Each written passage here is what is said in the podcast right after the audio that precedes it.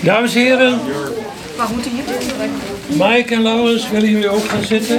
Het is het begin van een les Latijn onder een tweede klasse van het Christelijk Gymnasium Bijes Naudé in Ljouwert. Ik hoop dat het op de goede stapel ligt. Nee, het moet. De docent is Herman Hermans. Wessel, eh, de eerste zin. Wil je daar voor mij de persoonsvorm zoeken?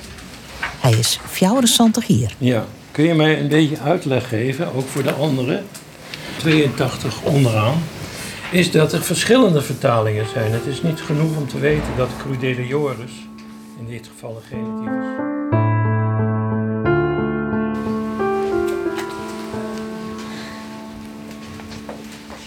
En jij hebt les van meneer Hermans? Ja. Hoe vind je dat? Ehm, prima, maar er zijn wel redelijk veel eisen. Oké. En wat bedoel je daarmee eh, met veel eisen, veel huiswerk? Ja, nou, eh, we hebben iets van... We moeten vaak iets van tien regels eh, vertalen. En- En dan op een eh, geperforeerd papiertje inleven en zo. Oké. Mag ik jullie ook iets vragen? Ja? Jullie hebben les eh, dus van meneer Hermans. Dat is een al wat oudere docent. Hoe is dat om van hem les te hebben? Anders dan normaal. Anders dan normaal. Wat is er anders? Kun je dat uitleggen? Eh, nogal specifieke regels. Ik weet niet of het per, se aan het oud ligt of gewoon dat het Aan hem? uniek, ja. Maar we hebben nogal specifieke regels, dus als we niet goed volgen, dan ja, minpunten of huiswerk niet gemaakt terwijl je het wel helemaal afgemaakt hebt. Maar eh, kun je een voorbeeld noemen van een specifieke regel? Eh, we moeten op losse papiertjes werken. Om het dan in te leveren, dan kijkt hij per persoon na. Terwijl normaal doen we met z'n allen in de les. Dat is standaard voor eigenlijk iedereen. Eh, en, maar nu moet je dus ook moet je, moet je rondjes in je papier hebben, anders geldt het niet. Ja, dus, Dus, dus ja, speciaal papier, zeg maar. ja. En dat heb ik dus niet. En dan kijk ik het niet na. Dus dan kreeg ik ook geen. Ja. Maar tenminste, het is- moet gewoon papier halen. ja, Komt wel goed. ja. Maar hij is al wat ouder dus. Legt hij het goed uit? Eh, ja, op zich wel. Oké. Hij, En, en heb je er ook een mening over dat iemand die 74 jaar is nog voor de klas staat? nou, voor, voor mijn gevoel mag hij dat gewoon zelf beslissen. Als hij vindt dat hij het nog kan en hij doet het ook gewoon goed, dan eh, mag hij van mij gewoon lesgeven. Oké, Wat vinden jullie daarvan? Eh, ik vind het wel wat vreemd, maar op zich is het ook wel eens grappig om zo'n eh, andere docent te hebben. Als je het zelf zo graag wil en gewoon leuk vindt, dan kan dat gewoon. En wat vind jij daarvan? Eh, Met op deze leeftijd nog lesgeven, gewoon nog werken? als je dat wilt, mag het van mij. Ik, ik zou het zelf denk ik misschien ook wel doen. Maar niet lesgeven, wat meer kleins. Want lesgeven is denk ik nog best wel iets groots als eh, zo oud. Heb je het gevoel dat hij nog begrijpt in wat voor wereld jullie leven en wat jullie normaal gesproken doen? Want het leeftijdsverschil, generatieverschil is natuurlijk heel groot. Ik denk het wel, maar dat zie je niet heel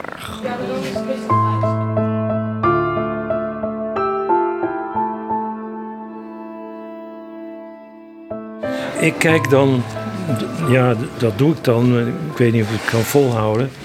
Ik kijk al hun huiswerk na, dus ik zie waar de moeilijkheden zitten. En daar ga ik dan in zo'n eh, samenvattende les op in. En ik doe heel veel, dat heb je gemerkt, grapjes met de Nederlandse taal. Ja, de leerlingen zijn mij van eh, meneer Hermans het wel hele specifieke regels. Ja, zoals. Zoals op een apart briefje, op een uh, multimap eh, briefje inlevering. Ja, Losse briefjes. ja, En als dat net doet, dan zit er het net nooit. ja, zo is het. En waarom doe je dat? Nou, er zijn twee redenen. Ik, eh, ik wil een standaard formaat hebben. Als ik dat niet voorschrijf, krijg ik allerlei eh, wc-papiertjes en bierviltjes en dergelijke. Ik wil gewoon één soort papier hebben waar ik ook iets op kan tikken. Want dat doe ik met een ouderwetse schrijfmachine. Dus het commentaar staat er dan onder. En de tweede reden is, eh, als ze het met eh, ringbandpapier doen, kunnen ze het in een ringbrand bewaren of in een ordner of wat dan ook. En ik zeg, je kijkt het allemaal na. Ik doe het niet voor niks. Als je een toets krijgt, kijk al die aantekeningen na. Kijk naar de dingen die je misschien niet helemaal goed hebt gedaan. En dat zal je helpen. Als je het allemaal in de prullenband gooit, doe ik het voor niks en je hebt er niks aan. En als ze het op een los briefje doen, dan ken je dat briefje in de ouderwetse typemachine het wel. Dat is ook nog eens waar. Ja. Ja. Ja, ik heb er een aangeschaft omdat je dat in de computer niet kunt doen. Hè?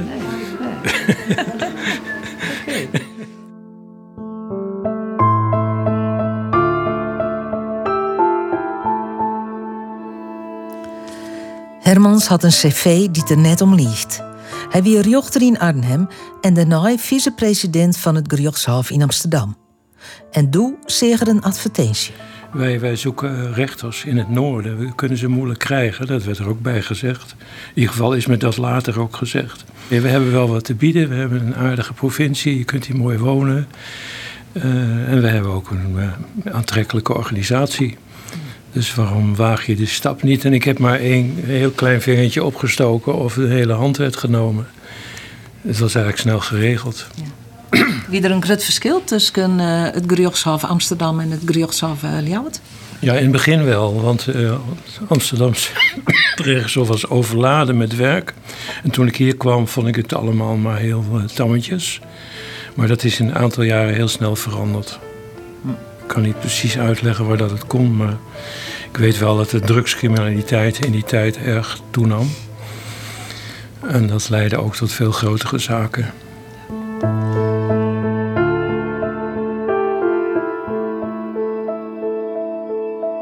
Ik heb uh, na mijn werk bij de echte rechterlijke macht nog een aantal jaren medisch terugrecht gedaan in Groningen.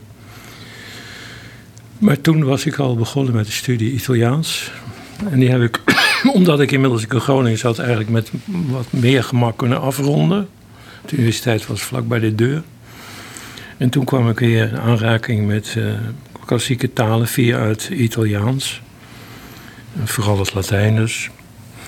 En toen speelde mijn oude liefde, om niet te zeggen hartstocht voor het Latijn weer, uh, weer op.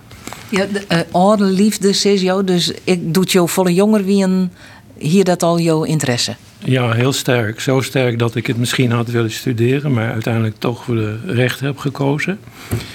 Uh, maar ja, uh, ik merkte toen dat het toch wel hevige liefde was. ik dacht, ga er iets mee doen. En door een toeval, puur toeval, heb ik dat in Engeland gedaan. Eerst in Liverpool en daarna in Oxford. In totaal vijf jaar. En moet ik dat dan zien als een fulltime universitaire studie die je daar deed? Uh, ja, in beide gevallen. Zowel in, in, in Liverpool een heel jaar en in uh, Oxford heb ik dan een promotieonderzoek gedaan. En dat duurde ook vier jaar. Ja. Maar dan zit je dus tussen de 20-jarigen? Ja, dat klopt, ja.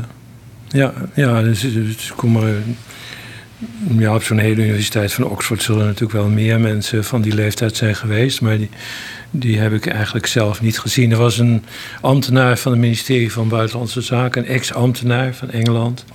En die studeerde dat ook. Uh, maar dat is eigenlijk de enige die ik gezien heb van wat uh, gevorderde leeftijd. Maar hoe weer dat? Nou, ik ben het eigenlijk wel een beetje gewend. Want je bent uh, uh, lotgenoten. Hè? Dus je, dat heb ik nu ook weer gemerkt met die lerarenopleiding. Uh, je moet een diploma halen voor een bepaalde activiteit. In dit geval dat lesgeven. En dat doe je dan met mensen van verschillende leeftijden. Nou, dus meestal in mijn geval aanzienlijk veel jonger. Ja. Maar door die gemeenschappelijke bezigheid vallen de leeftijdsverschillen toch een beetje weg. Ja, want daarna heb je dus nog die onderwijsbevoegdheid uh, Helen. Ja, ja, dat was in Amsterdam. Dat, dat duurde nog uh, ja, bijna anderhalf jaar. Ja. ja.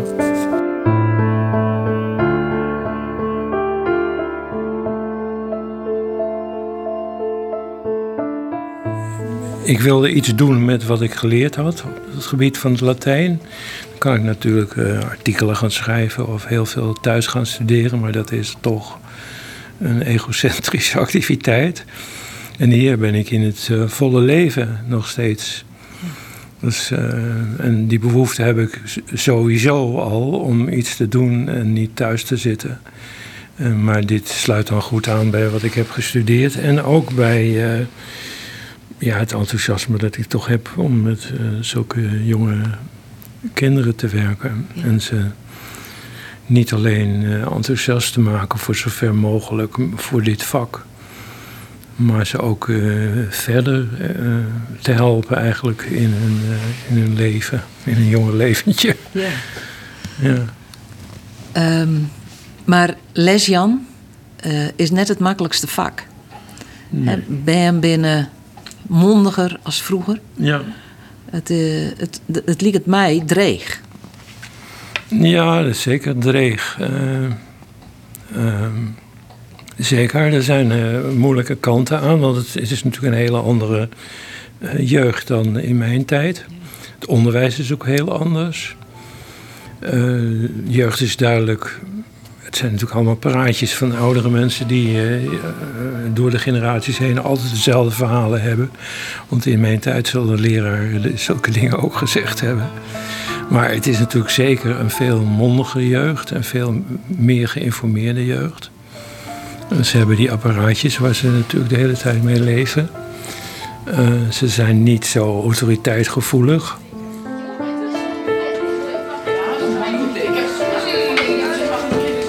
Oké, degenen die, die hier blijven, die, uh, die moeten nu even opletten, want ik wil die uh, les 20 met jullie nog doornemen. Want ik heb wel het een en ander gezien wat niet helemaal in orde was. Dus ik ga wat vragen stellen. Wessel, uh, heb jij het boek voor je? Ja, maar maak het open. Les 20, voor je nemen alsjeblieft.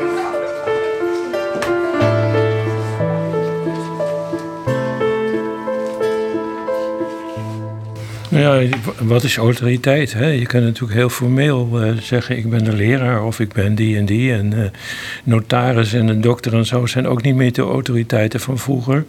Maar uh, waar bestaat autoriteit in? Is dat gezag dat je verwerven moet of is het een formele positie?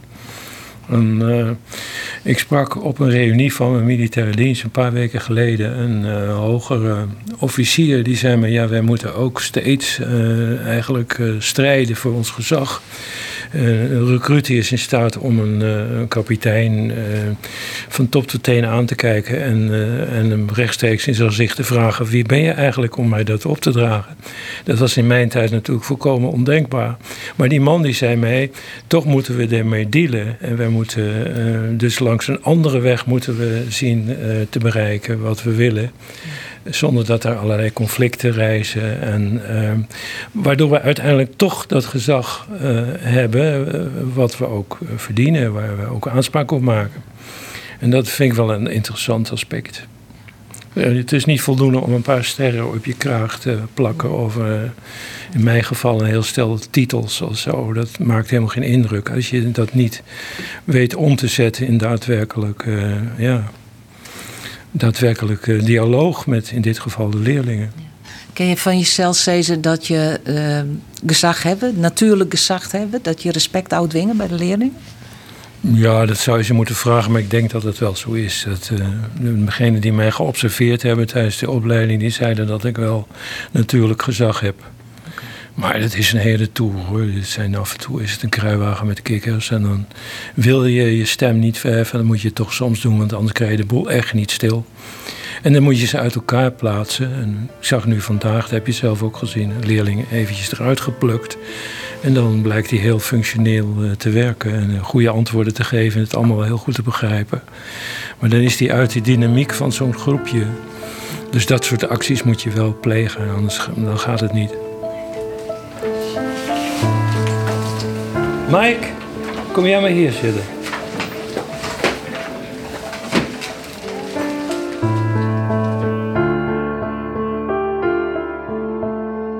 Zolang ik gezond ben, wil ik dit wel blijven doen.